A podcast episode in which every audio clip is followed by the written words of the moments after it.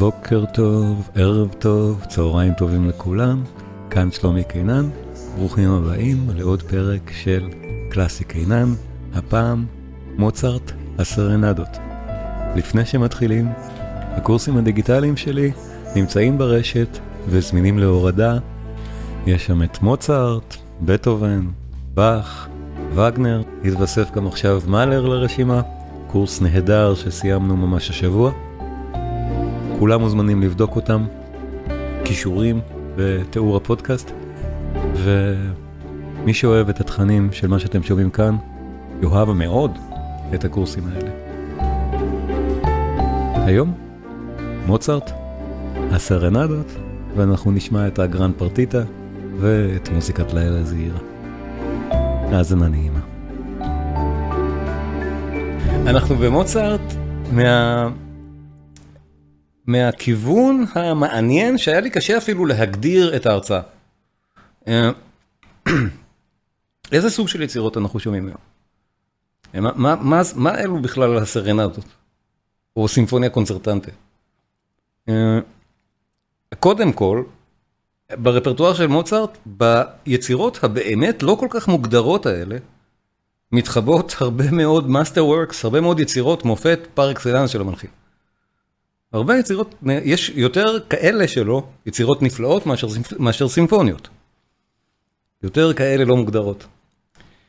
הסיבה היא מעניינת, זו סיבה בעיקר היסטורית. אה, יש את ה... את ה... אם אתם זוכרים, אני אראה את זה עוד פעם. את הרשימה הזאת, זו רשימה באמת ממש חלקית, שרק מיועדת להראות uh, תקופות, לא מי חשוב ומי פחות. אבל, uh, ויש לי כאן טעות דפוס, מוצרט נולד ב-1756, לא 1754. אבל uh, בלי קשר, מה שזה באמת מראה, זה שהתקופה שאנחנו קוראים לה התקופה הקלאסית, במוזיקה הקלאסית, הייתה מאוד מאוד קצרה, יחסית לכל מה שבא אחריה, וגם יחסית לכל מה שהיה לפניה. זאת אומרת, תקופת הברוק, עד באך, 150 שנה, כאן שלושת המלחינים האלה מיצבו את הדבר הזה וקוראים לזה קלאסי, קוראים לזה, קוראים לכל המוסיקה מוסיקה קלאסית, והתקופה הקלאסית בתוך המוסיקה הקלאסית זה שלושת אלה.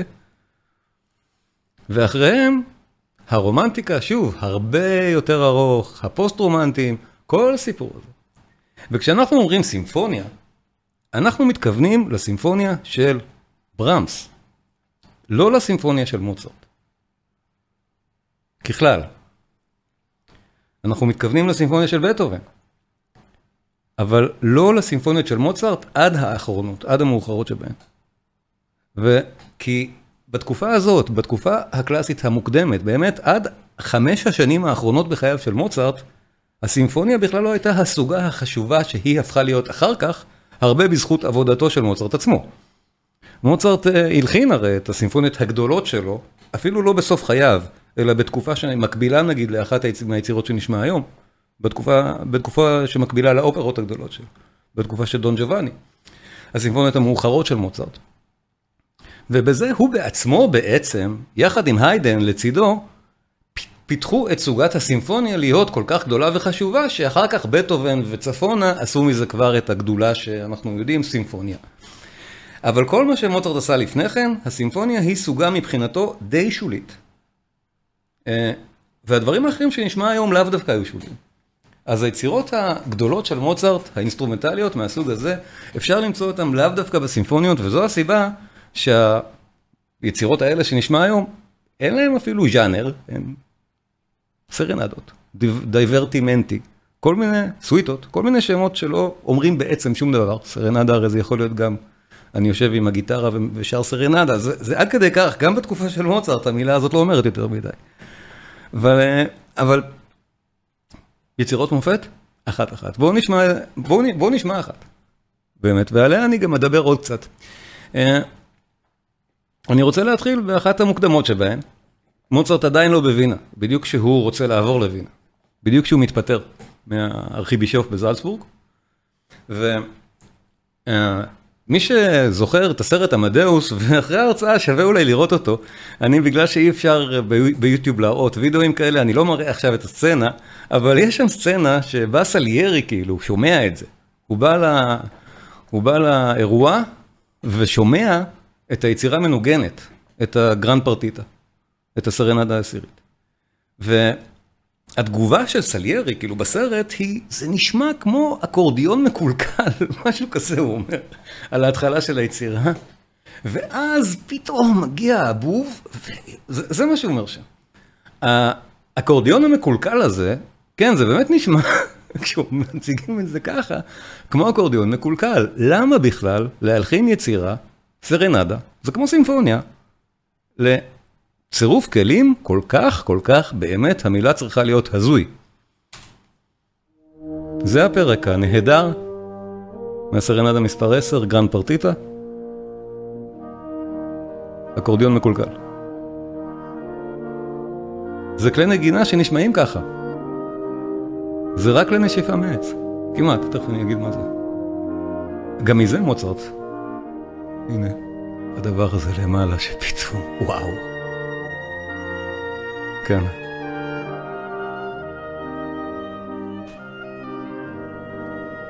זו באמת נחשבת להיות אחת מהיצירות מופת המוקדמות של מוצרט. יחד עם גם הקונצ'רטי לפסנתר, מהמוק... זו מהמוקדמות שבהן.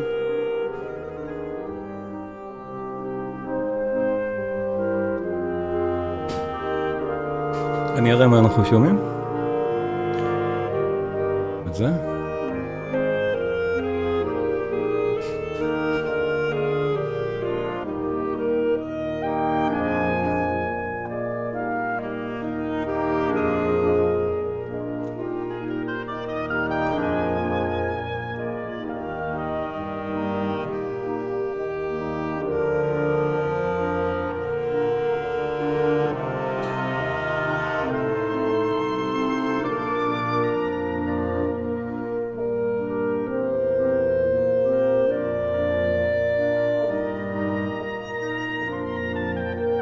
הכלים שמנגנים כאן, ולכן האקורדיון מקולקל, אה, שני הבובים, שתי קלרניטות, שני אה, קלרנית בס, שני בסונים, ארבע קרנות, קרנות עתיקות של התקופה,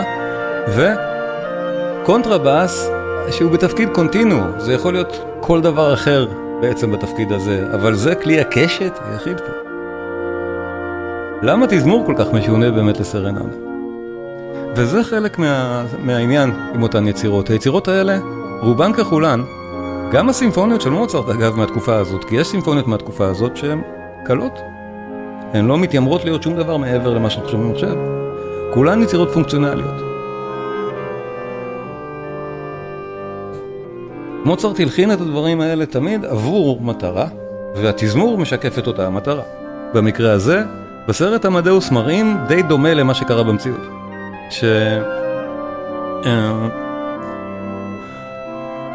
שהתזמורת של הארכיבישוף שהגיע בסופו של דבר לווינה בביקור הארכיבישוף מזלצבורג כללה את רשימת המכולת של הנגנים הספציפיים האלה. זו סיבה באמת לא אומנותית, נגיד ככה, מהסוג הזה. ובהרבה מקרים פה אנחנו נראה שמוצרט מלחין את היצירות האלה באמת לפי מה שצריך לעשות, והוא עושה את זה נהדר. אבל עוד דבר מעניין שהיום אנחנו נראה הערב, סליחה, זה שבגלל שאנחנו מדברים פה על התקופה הקלאסית בהתהוותה, בעצם הצורות האלה מתהוות כאן. הסימפוניה עוד מעט תהיה צורה שהיא הצורה השלטת והחשובה, ממש עוד מעט. כבר, וכאן אנחנו רואים במין צילום רנטגן את המרכיבים של הסימפוניה שתמיד אני מדבר עליהם איתכם. ובתקופות שאחר כך, כשמדברים על החלקים בסימפוניה של מאלר או של ברמס, זה הרבה יותר מסובך ממה שזה מוצג כאן. ולכן, אני אשתמש במוזיקה שאני מציג היום, כמו הסרנדה הזאת ומה שנשמע אחר כך, גם בשביל להראות לכם, הנה תראו, זה, צורת הסונטה, זה זה. זה הדרך הכי, פשוטה לראות אותה, ונראה כמה זה פשוט. ומפה אנחנו נוכל בפעם הבאה באמת לדבר על הסימפוניות הגדולות של מוצרט. 40 ו-41. יש מה לדבר. אבל גם היום יש מה לדבר, תשמעו כמה זה יפה.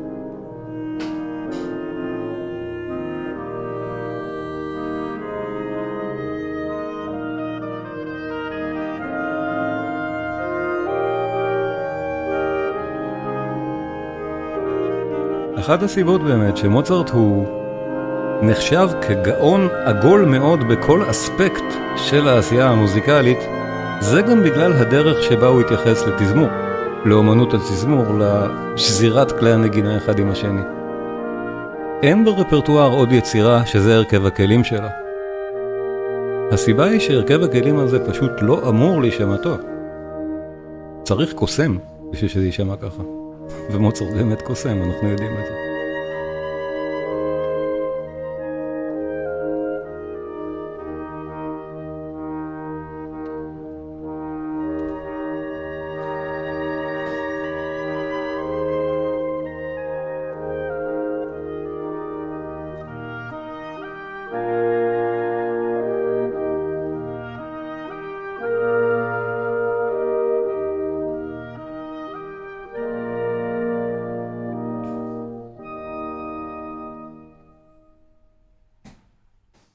בואו בפרק הבא שאני אשמיע מהסרנדה, עוד פרק נהדר ומקסים.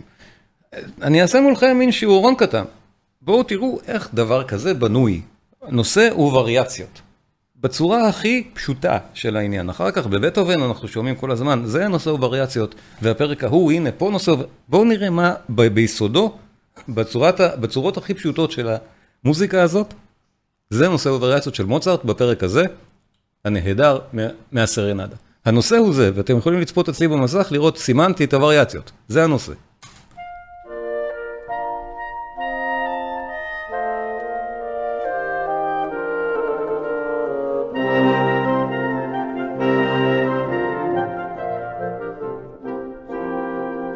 יפה, זה נושא באמת חמוד, רק הבעיה ששוב אמרנו זו מוזיקה פונקציונלית שצריכה להחזיק עשר דקות של הריקוד הספציפי שרוקדים ב... במעון של הקולורדו, באותו, באותה הזדמנות, והנושא קטן מספיק לזה. מה עושים? וריאציות. ככה הקהל, באמת קהל השומעים, נשאר בתוך המוזיקה, ועדיין היא לא קשה לעיכול, כי זה וריאציות. אז וריאציה ראשונה, ממש שומעים שזה וריאציה.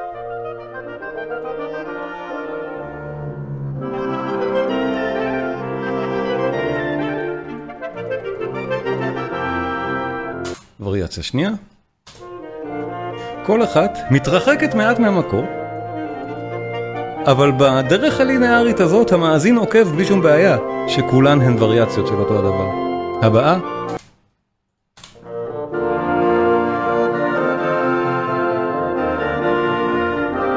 עוד אחת. אחת מהיפות. בואו נשמע מההתחלה ותנסו בעצמכם להרגיש את עניין הווריאציות האלה. אני אגיד, הנה וריאציה, נושא. זה הנושא. הכי יפה שאפשר לעשות מכלי הנגינה האלה.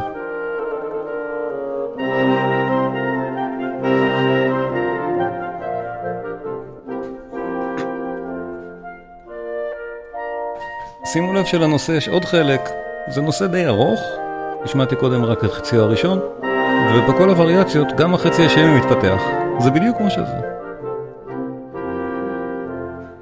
החלק השני.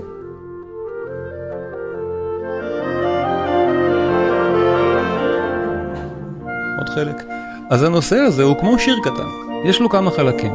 ואנחנו נשמע אחר כך בעוד צורות דומות שהדברים הקטנים האלה הם כמו שיר קטן. ואז הווריאציות קורות על כל המכלול של השיר הקטן הזה.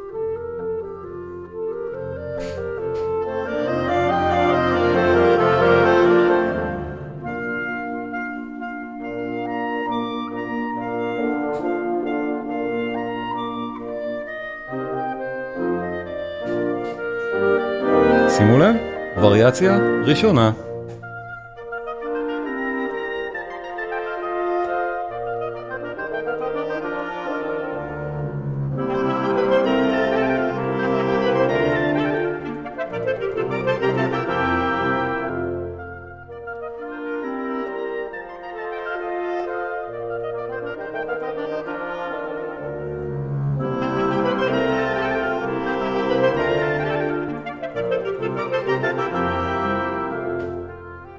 ואם אנחנו זוכרים, זה היה מחולק, אז הנה אנחנו בדיוק בחצי השני של הנושא עם וריאציה על חציו השני.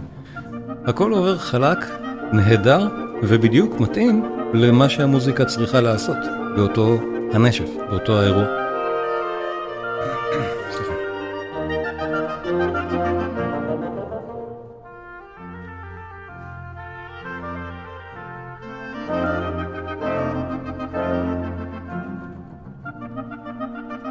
ויכול להיות שאתם אפילו מרגישים עכשיו, כי זה מה שמוצרט רוצה לעשות, שהווריאציה הבאה תיפול בדיוק איפה שהיא נופלת.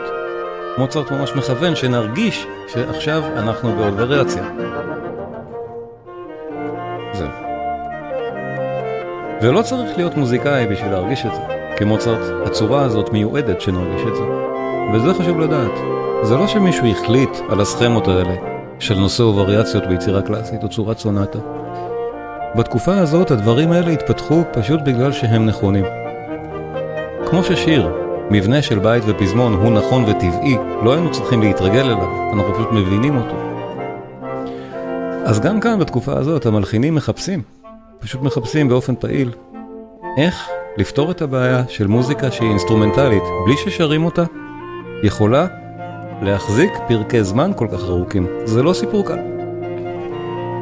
וההתפתחות של הצורות האלה עונה על זה באופן מאוד אפקטיבי. נושא ווריאציות למשל, מאפשר למנחים כמו מוצרט עכשיו לתת עשר דקות של מוזיקה במקום שתיים.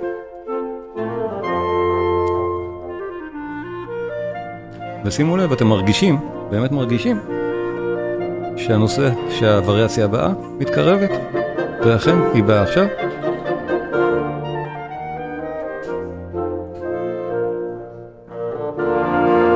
עוד וריאציה נהדרת. אני מתנצל שאני מדבר על המוזיקה וקצת מקלקל אולי לחוויה, אבל יש לי גם מה לספר ואפשר בטח להקשיב עכשיו אחר כך להקלטות האלה. אבל אה, מה שבאמת חמוד זה שבעמדאוס הסיטואציה די דומה לסיטואציה המציאותית. מראים בעמדאוס ש... אני נדמה לי שמראים איך מוצרט קיבל בעיטה בעכוז בזמן פיטוריו מה... מקולורדו, וזה מתואר באמת בטקסטים אמיתיים, אותה בעיטה בעכוז טקסית שכנראה הייתה מקובלת כשמפטרים משרת בתקופה הזאת. אבל זה באמת היה עניין טקסי. מוצרט הלחין את היצירה הזאת כשהוא כבר ידע שהוא רוצה לעזור. והוא רצה מאוד להרשים בווינה. ובגלל שקולורדו היה בווינה לתקופה ארוכה ומוצרט בא כמשרת שלו, היה לו חשוב להרשים עם היצירה, וזו אכן יצירת מופת, היא נוגנה בווינה. מאוד הרשימה. מוצרט באותו טיול עם, עם קולורדו הרשים מספיק בווינה בשביל לקבל הצעות עבודה, מספיק בשביל להתנחל ולעבור לשם, כן. זה הרקע לאותה בעיטה בתחת, באקוסט, סליחה. והנה אנחנו מגיעים לעוד וריאציה.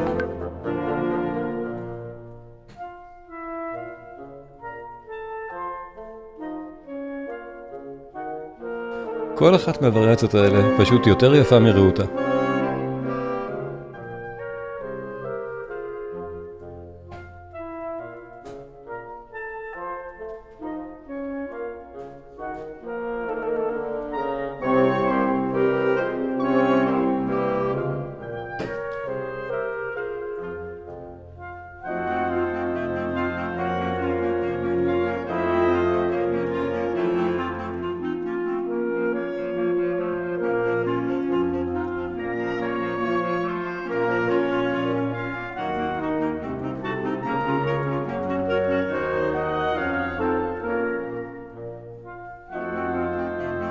ואמרנו, כל וריאציה היא יותר מתקדמת מהקודמת, יותר רחוקה מהמקור.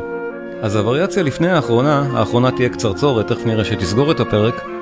מוצרט לוקח אותה באיטיות, במהירות הרבה הרבה יותר איטית, כשהוא יודע שכבר מאזיניו מבינים את הנושא ויכולים לעקוב אחרי וריאציה איטית, כמו זו האחרונה שמנוגנת כאן.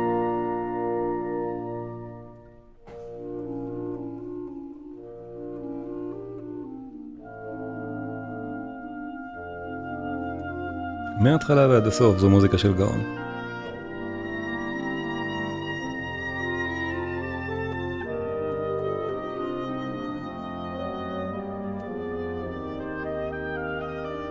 אז כמו שאני אמרתי, אין לנו ברשימת כל הסרנדות של מוצרט שום דבר אחיד. ב- נניח אין עוד אחת כזאת שהיא לאותו סוג של כלים. ואיזה סוג יצירה זו בכלל? 13 כלי נשיפה מעץ, יצירה קאמרית? גם, גם היא לא זו. כי באמת בתקופה הזאת היה מה שנקרא פלקס מוחלט. איזה סוג של מוזיקה אנחנו עכשיו מתמקדים עליה כסוגות התזמורתיות החשובות. ואנחנו נראה את אותו עניין גם ביצירות אה, כמו הסימפוניה קונצרטנטה עוד מעט, שגם בה צורות עדיין לא קונצ'רטו, עדיין לא מה שהן קורות אחר כך, זה רק הדרך לשם. אבל הדרך הזאת היא נהדרת. והשאלה איזו מספר יצירה זו ביצירותיו, אני שוב אראה את זה, כן, זה לא כל כך ממוספר, כי הדברים האלה הם באמת לא חלק ממחזור סימפוניות. הם כל אחת היא בפני עצמה, ואני פשוט אראה את זה, זו סרנדה מספר 10. אבל צריך בדרך כלל פשוט לחפש את זה לבד, לא בתוך אוסף סרנדות, כי אין דברים כאלה, כך במוצרט. אז מה שאנחנו שומעים זה זה, סרנדה מספר 10, קכל 361, גראן פרטיטה היא נקראת.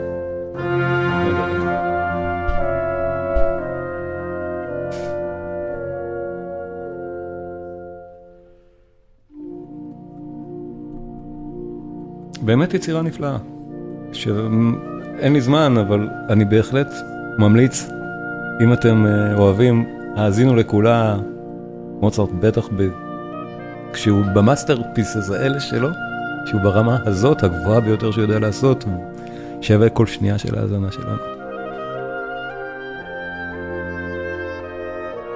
ושימו לב, תכף יש לנו מין וריאציה אחרונה, שגם היא סיום הפרק. אחרונה, עליזה, ומסיימת את זה, שוב, כמו שפרק ריקודי כזה צריך להסתיים. פרק כזה בנשף.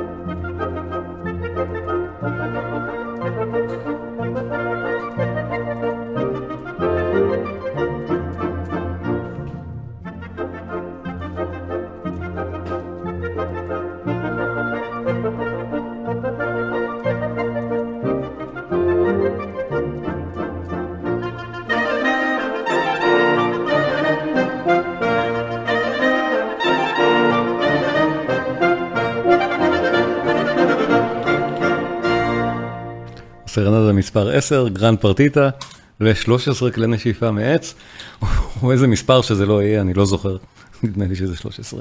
בכל מקרה, אה, הסרנדה המפורסמת, נגיד ככה, גם זו הייתה מאוד מפורסמת, אבל יש אחת שהיא כנראה היצירה הכי מפורסמת שיש בהיסטוריה. לפחות לפי ויקיפדיה, זו היצירה שבוצעה הכי הרבה פעמים בהיסטוריה, אני לא יודע איך מודדים את זה. באמת שלא. יש, יש ילד על כדור הארץ שלא מכיר את זה.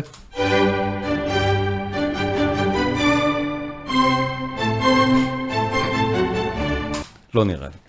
אז כן, יש רגליים לסברה שזו היצירה הכי מפורסמת בהיסטוריה, והכי מבוצעת, או אני לא יודע הכי מה. אבל אולי זה רק אומר שבאמת מוצרט לקח מאוד מאוד ברצינות את הסרנדות האלה. אה, עם היצירה, אחת מה... גדולות שלו עד היום היא סרנדה. מוזיקת לילה זהירה כל כך טובה, שהיא מושמעת יותר מדי אולי, אבל בואו נראה רגע, כי יש מה, יש מה, יש מה להסתכל על העומק, על היצירה הזאת. אה, כי גם, קודם כל, היא נכתבה בתקופה הרבה יותר מאוחרת, וזה בדיוק הנקודה. הסימפוניות המאוחרות של מוצרט, שאנחנו נשמע בפעם הבאה, נכתבו בדיוק באותה תקופה של היצירה הזאת. היצירה בת ארבעה פרקים, הראשון והאחרון בצורת סונטה, השני מינואט וטריו, הצורה היא בדיוק צורה של סימפוניה. הסיבה היחידה שהיצירה לא נקראת סימפוניה, זה בגלל שמוצרט לא קרא לה כך. יש עוד סיבה, הסיבה של התזמור והייעוד של היצירה. אבל עקרונית, אם היצירה הזאת הייתה אחר כך, הייתה בתקופתו של ברמס, היא בהחלט הייתה נקראת סימפוניה, סימפוניה למיתרים. אבל בטח שהיא נקראת סימפוניה. והיא דומה יותר לסימפוניה, נגיד, מאשר הרבה מאוד סימפוניות של מוצרט. למוזיקת לילה זהירה יש ארבעה פרקים. רוב הסימפוניות של מוצרט יש שלושה. אז מאוד מאוד קשה בכלל להגיד, אוקיי, איפה זה נחשב, וגם, זה לא מחזור הסימפוניה של מוצרט, זאת יצירה בזכות עצמה. אבל הדבר הזה, כמו שראינו ב... אם, אם יש משהו שאפשר להגיד מאפיין את הסרנדות, זה באמת שהן כל אחת מתוזמרת לשיטתה ולייעוד שלה. היצירה הזאת למשל הולחנה עבור נשף בווינה. הצירוף הנסיבות היה באמת אה, די טרגי, במובן של מוצרט הגיש את היצירה או סיים אותה כמה ימים אחרי מותו של אביו, וכנראה התחיל להלחין אותה גם מעט יותר ימים אחרי מותו של אביו. איך אפשר להלחין את זה כשאתה באבל כזה? זו שאלה אחרת פסיכולוגית שבאמת אה, מעניינת, אבל זה בדיוק בתקופה של דון ג'ובאני. ומצבו הפסיכולוגי של מוצרט לפי דון ג'ובאני הוא לא מה שאנחנו שומעים פה. אז, אז זה מעניין בזכות עצמו, איזה סוג של גאון אומנותי מסוגל לעשות את זה. אבל הנקודה המעניינת שבאמת היצירה הוזמנה, והיא, הוזמנה לתזמורת ספציפית של שמונה נגנים. מה שאנחנו שומעים היום זה לא שמונה נגנים, אבל היצירה נוגנה במקור על ארבעה כלי קשת כפול שניים. כאילו שני, כינור ראשון כפול שתיים, כינור שני כפול שתיים, ויולה כפול שתיים וצ'לו כפול שתיים. ורק אחר כך הפכה להיות גרסה לתזמורת מיתרים. ולכן מוזיקת לילה זעירה מפורסמת מאוד גם בתור יצירה שאף אחד לא יעלה בדעתו שהיא דומה בכלל לסימפוניה, כי כמעט בכל אירוע יוקרתי במערב מנגנים אותה ככה על רביעיית מיתרים. זה באמת לא דומה לסימפוניה. היצירה מאפשרת לנגן אותה ככה. היא כתובה, באמת, לתזמורת מיתרים של ארבעה קולות. אבל בואו נחזור רגע לגרסה שאנחנו מכירים ואוהבים, גרסה, הגרסה התזמורתית של מוזיקת לילה צעירה, ונראה גם למה היא כל כך, אה, כל כך יצירה כיפית לניתוח. כי אמרתי קודם, אנחנו ביצירות האלה יכולים לראות את הצורות הקלאסיות האלה באופן הכי קל להסביר אותן. ואחר כך, בבטהובן זה כבר כל כך מסובך, שאני אומר צורת סונטה ו... בואו בוא נראה, פה זה צורת סונטה. אם שואלים, אם רוצים ללמד בשיעורי קומפוזיציה, בשיעור הראשון, מהי צורת סונטה, איזו דוגמה? הפרק הראשון של מוזיקת לילה זעירה, זו הדוגמה הקלאסית למה זו צורת סונטה. כי פה זה בדיוק מוצג לפי הכללים שאחר כך כולם לומדים אותם ככללים הרגילים של הצורה.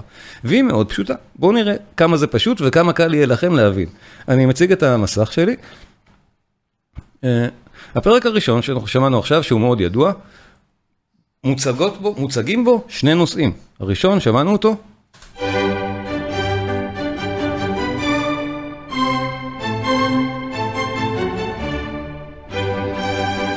עכשיו שימו לב חשוב, כשאני אומר, אומר נושא, זה כמו שיר קטן. זה לא רק זה, יש פה עוד משהו, עוד עניינים, גם זה. זה חלק מאותו הנושא. הנושא זה מין קבוצת נושאים. שבסוף תבוא קבוצת הנושאים השנייה. אז בקיצור נקרא לזה נושא שני ונושא ראשון ונושא שני במקום קבוצה. אבל מה שמאפיין את הקבוצה, שימו לב, שהיא כולה, פחות או יותר, או כולה, מסתובבת סביב אותו הסולם. במקרה הזה סול מז'ור. הנושא השני, גם קבוצת נושאים, שמה שמאפיין אותה, שהיא מסתובבת סביב סולם אחר. רה מז'ור. זהו. לעומת הסול מז'ור שאפיין את הקבוצה הראשונה. אז קל לראות את זה, זה באמת קל. והנקודה שזה לא חוקים אקדמיים בשביל מוזיקולוגיה, אלא בשביל שהקהל יוכל לעקוב באוזן בלי להתאמץ. זה באמת עובד. אחד, שתיים. ואז חוזרים אליהם. מה שראינו עכשיו נקרא אקספוזיציה, הצגת הנושאים. הצגנו, נושא ראשון, נושא שני. ואז חוזרים עליהם. זה פשוט נקרא רה-אקספוזיציה, חוזרים עליהם בדיוק כמו שהם. נושא ראשון. נושא שני. ואז, בצורה הזאת, בצורת הסונטה, יש מה שנקרא חלק פיתוח, שבו שני הנושאים האלה קורים איתם דברים מעניינים. מה מעניין? זה המלחין יכול להחליט מה שהוא רוצה, ואותו חלק פיתוח, זה אותו חלק שאחר כך בטהובן באמת הרחיב והגדיל. בשלב הזה, אצל מוצרט והיידן, חלק הפיתוח הוא קטנטן, ואנקדוטי.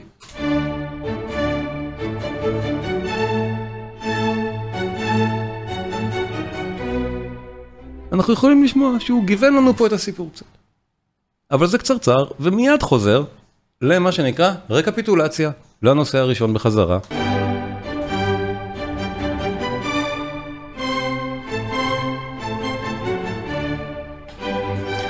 באותה רקפיטולציה יש גם כמובן חזרה לנושא השני.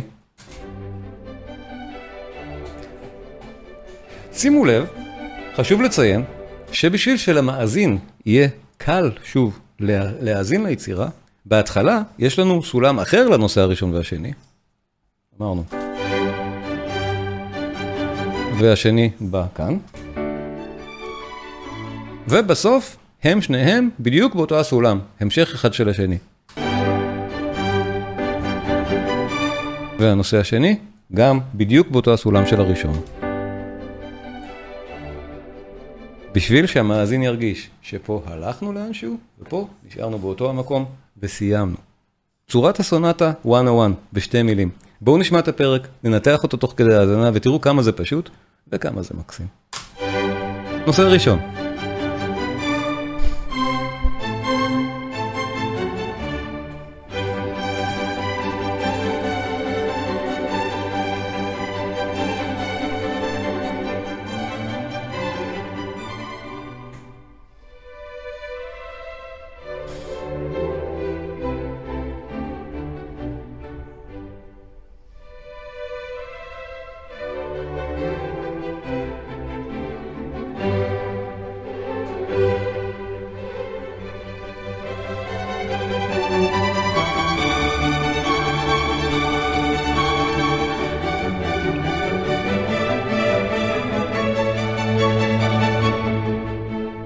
אנחנו עדיין בקבוצת הנושא הראשון. אילן שאל, האם המרצה מזהה זיקה בין מספר ברשימת כחל, גובה המספר, לגבי איכות, בגרות היצירה? שאלה מורכבת, נושא שני.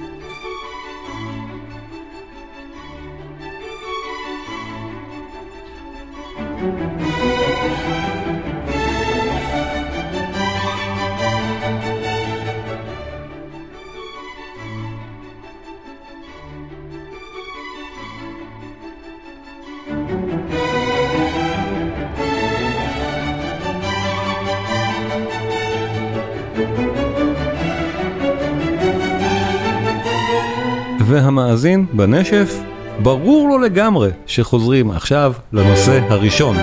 זה כל כך ברור שחזרנו לזה. מה שנקרא רה-אקספוזיציה. אז אולי נקרא מסובך, אבל זה פשוט.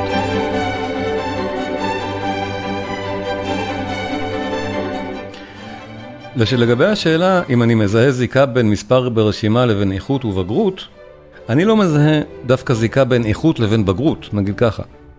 אה, ברור שיצירות ממש ילדות של מוצרט הן לא ברמה הזאת, אבל מהקונצ'רטו התשיעי לפסנתר שלו, היצירות שלו, אתה מוצא יצירות מופת משובצות לכל האורך.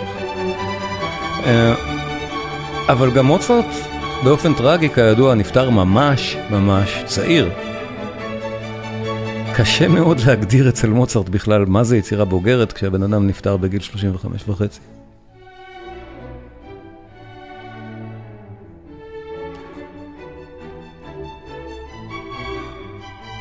נושא שני.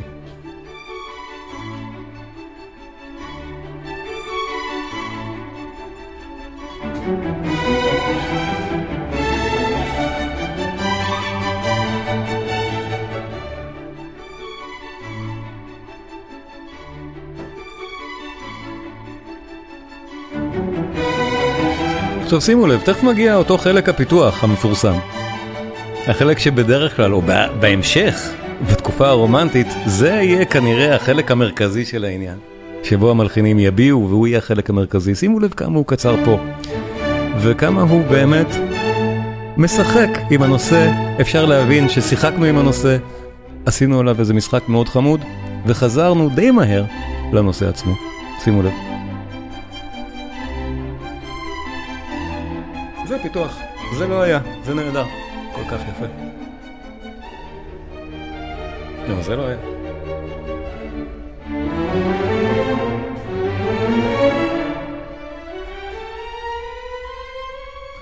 וחזרנו למה שנקרא רקפיטולציה, סוף הפרק, חזרה לנושא הראשון בסולם המקורי שלו. אני אראה בינתיים איזה הקלטה אנחנו שומעים.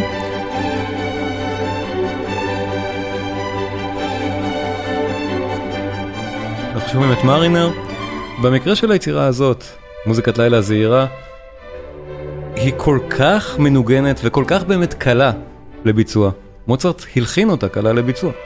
לשמיניה, לתזמורת קאמרית קטנה שלא עשו חזרה אחת לפני שראו את התווים. הם לקחו את זה בנשף וניגנו את זה. היצירות האלה פונקציונליות.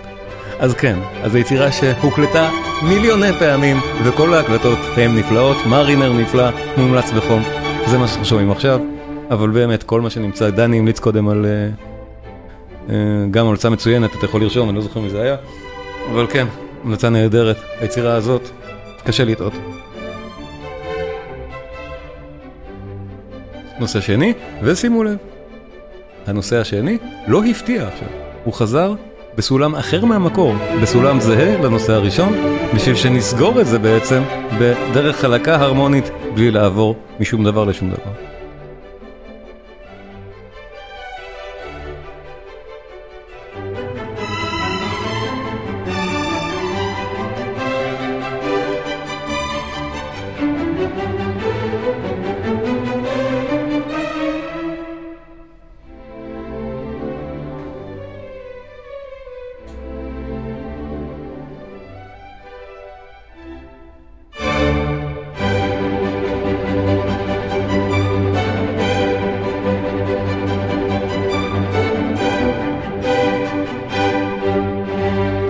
גם שאר היצירה, אה, סנדרו וגג, כן, דני כתב, גם שאר היצירה, תודה, אה, היא באמת סוג של textbook לצורות האלה, עד הפרק האחרון שבו מוצרט עדיין מתחכם קצת, כי מוצרט אהב, אהב להתחכם. אבל אה, אפשר לראות ממש, אנחנו רגילים, סימפוניה בנויה, שהפרק הראשון הוא בצורת סונטה, ודאי שאצל בטהובן ואצל בראמס ותמיד, בסימפוניה הפרק הראשון הוא בצורת סונטה, כמו שראינו עכשיו. או הרבה יותר מפותחת ממה שראינו עכשיו, אבל זה הפרינציפ. ובאותה הצורה, סימפוניה תמיד, הפרק השני שלה, יהיה בצורה שנקראת מינואט וטריו. אה, סליחה, הפרק השלישי. הפרק השני תמיד יהיה אנדנטה, יהיה פרק שקט.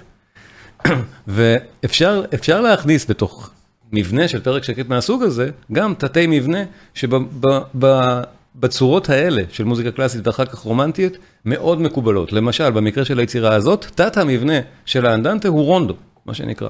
באמת זה בנוי כרונדו, והמשמעות של רונדו, שיש לנו נושא ראשון, נושא שני, נושא ראשון שוב, נושא שלישי, והנושא הראשון שוב.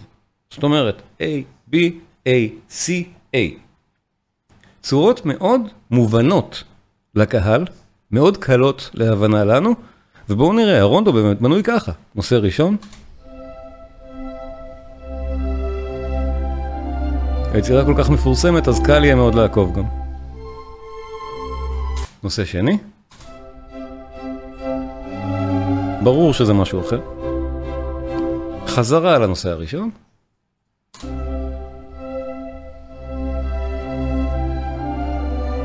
נושא שלישי, חדש, רון.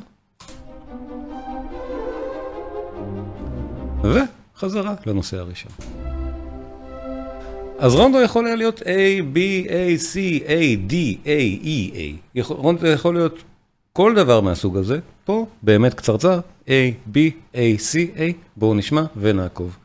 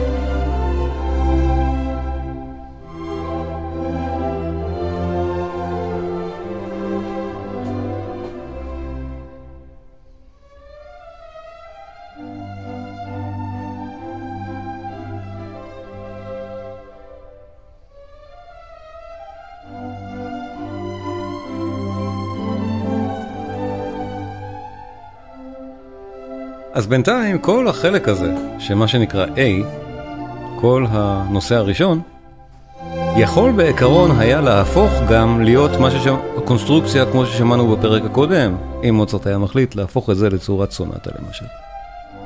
אבל במקרה הזה, הוא הפך את זה לאנדנטה נהדר שבנוי אחרת. בלי פיתוח מהסוג ההוא למשל.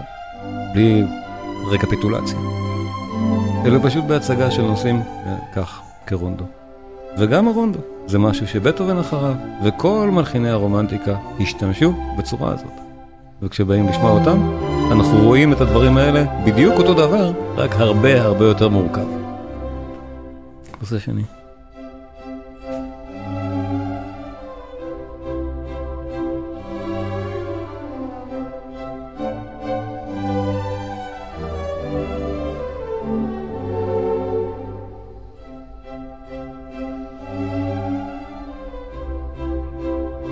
עוד דבר לגבי רשימת כחל, זה שהרשימה, לפי מיטב הבנתי, לא משקפת דווקא כרונולוגיה. אני יודע שיש ויכוחים על הנושא הזה, לכן אני נזהר קצת, אבל uh, יש הרבה מאוד חילוקי דעות לגבי הסדר הנכון של היצירות ברשימה, והרשימה עצמה שונתה כמה פעמים. למי שלא מכיר את הנושא, רשימת כחל זה הדרך שבה ממספרים או מקטלגים את היצירות של מוצרט. בדרך כלל היצירות מקוטלגות על מספרי אופוס של פרסום. במקרה של מוצרט כחל זה שם של uh, מי שעסק אחרי, uh, אחרי מותו של מוצרט יחד עם קונסטנצה בקטלוג היצירות. באמת כל העזבון, שהרבה ממנו היה בכתבי יד, אנחנו כבר שמענו על הרקוויה.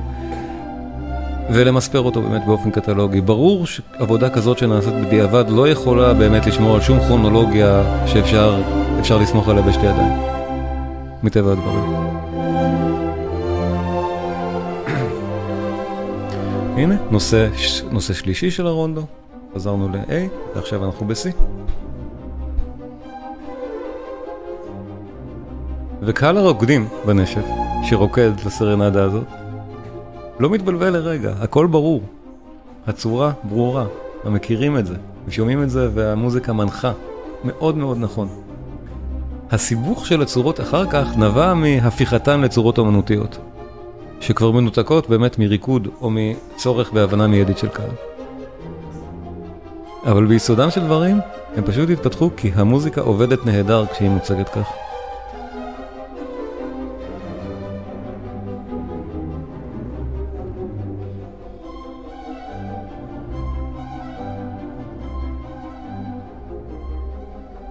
וחזרנו בפעם האחרונה לנושא הראשון שאנחנו כבר מכירים אותו.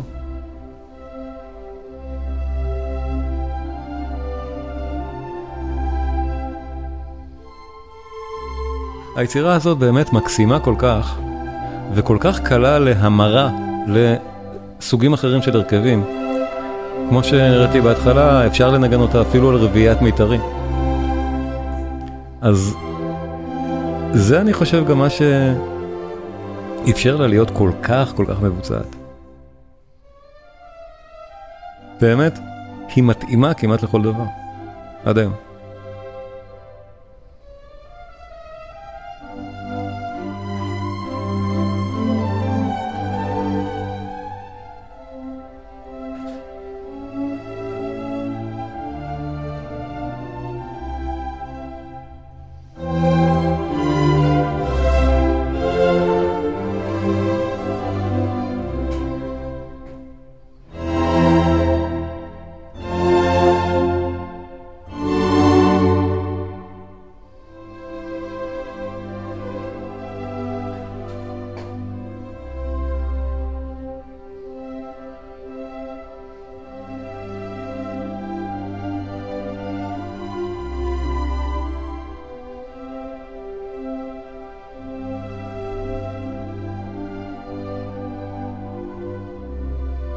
ובאמת, כאילו בשיעור מוזיקה, גם הפרק הבא, הוא מלמד על סוג, על, על, על מבנה, על מבנה אופייני למוזיקה הזאת, למוזיקה קלאסית ואחר כך רומנטית. הפרק שנקרא אחר כך סקרצו, אבל בשלב הזה הוא עדיין נקרא מינואט וטריו. מי שהחליט לשנות את השם היה בטהובן. שינה את המינואט וטריו לסקרצו, שמשמעותו בדיחה באיטלקית. אבל מבחינה מבנית זה זהה, וגם מבחינה ריתמית. כאן זה נקרא מינואט וטריו, וזה מסגיר באמת את הקשר של המבנה הזה למבנה ריקודי. מינואט זה ריקוד, הטריו זה החלק באמצע הריקוד. הטריו לא, כוונה, לא הכוונה פה שמנגדים על שלושה כלים. אבל, אבל בצורה המוזיקלית הזאת, הכוונה, הטריו הכוונה שהוא חלק באמצע ששונה מהמינואט, אבל גם על שלושה, שלושת הרבעים הריקודיים של המינואט. המינואט חייב להיות בשלושה רבעים, במובן הזה זה כמו ואלס. אז מאוד פשוט, מינואט, הטריו באמצע והמינואט חוזר. כך בדיוק בנוי גם הסקרצו בכל הסימפוניות של בטהובן. הסקרצו, טריו, סקרצו. וכל הסימפוניות של אחר כך. זה הבסיס, המקור של הצורות האלה בא מכאן, מינואט הוא זה. ויגיע הטריו, אני אגיד טריו. הפרק הזה כל כך קצר וכל כך חמוד, שלא צריך כמעט להסביר אותו.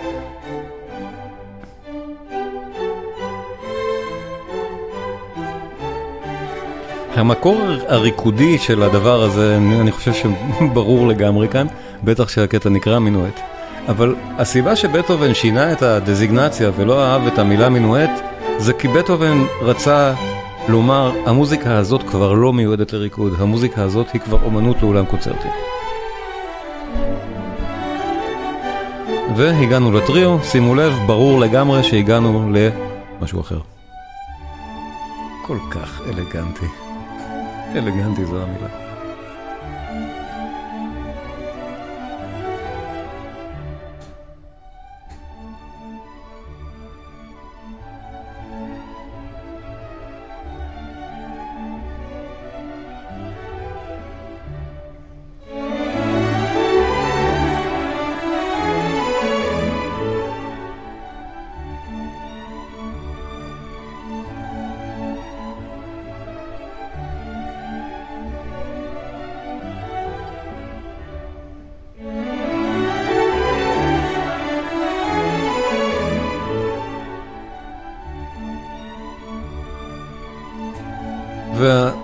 והדבר הזה כל כך קליט, שפעם אחת נגינת המינואט מספיקה גם לקהל של מוצרט להבין שחזרנו אליו.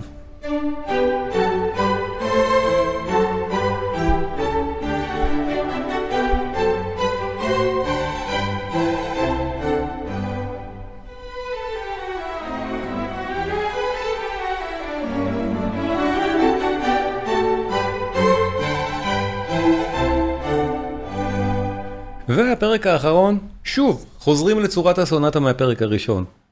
היצירה בנויה באמת מהבחינה הזאת כמו סימפוניה, ומוצרט בצורת הסונטה של הפרק הזה, מרשה לעצמו להתחכם מעט. היא לא בנויה בדיוק כמו הקודמת, אלא היא צורת סונטה עם טוויסט. מותר לעשות את זה, בטח שמוצרט. וגם היידן. בתקופה הזאת, שוב, הדברים האלה לא סגורים בספר.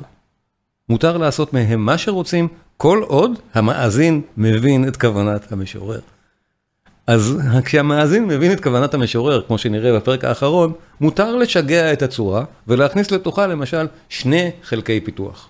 למה לא? מוצרט יודע לעשות את זה ויכול, אבל זה לא בדיוק textbook של ספר לימוד, איך שצורת הסונטה של הפרק האחרון מוצגת כאן. מקסים בלי שום קשר. נושא ראשון.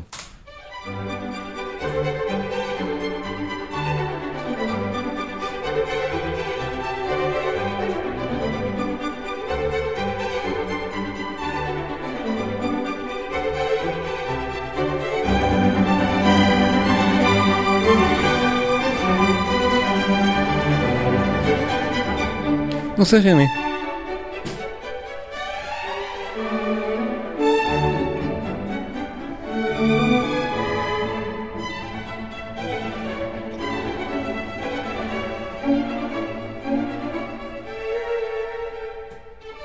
חזרנו לנושא הראשון, אבל בסוג של חלק פיתוח, כי הוא לא יחזור בכלל לשני, אלא הוא בסולם אחר, ומגיע תכף לעוד חלק פיתוח של הנושא השני.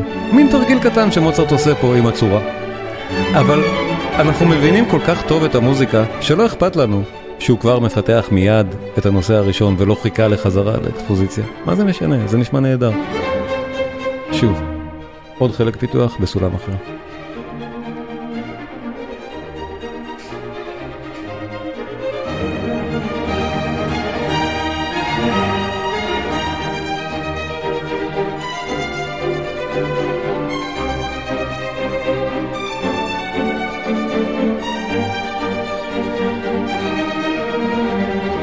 והגענו לרקפיטולציה, סוף הפרק, מוצרט מתחכם לנו ומתחיל את הרקפיטולציה דווקא בנושא השני.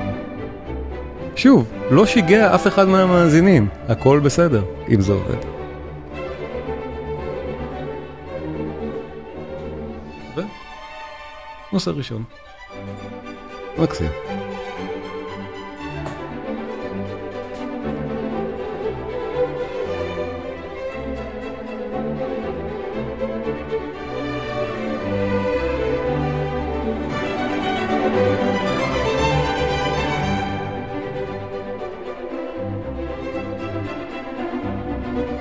ומה שנקרא קודה. בסיום פרק, כבר בתקופה הזאת ודאי שיש קודות, מותר לסיים אותו במשהו שלא היה קשור ישירות לסיפור, אלא פשוט הוא סיום.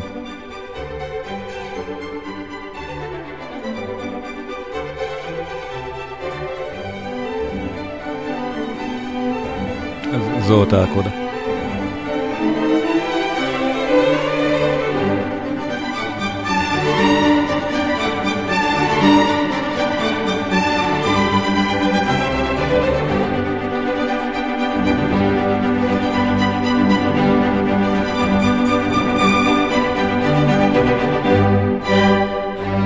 אני, אני באמת אוהב את מוצרט.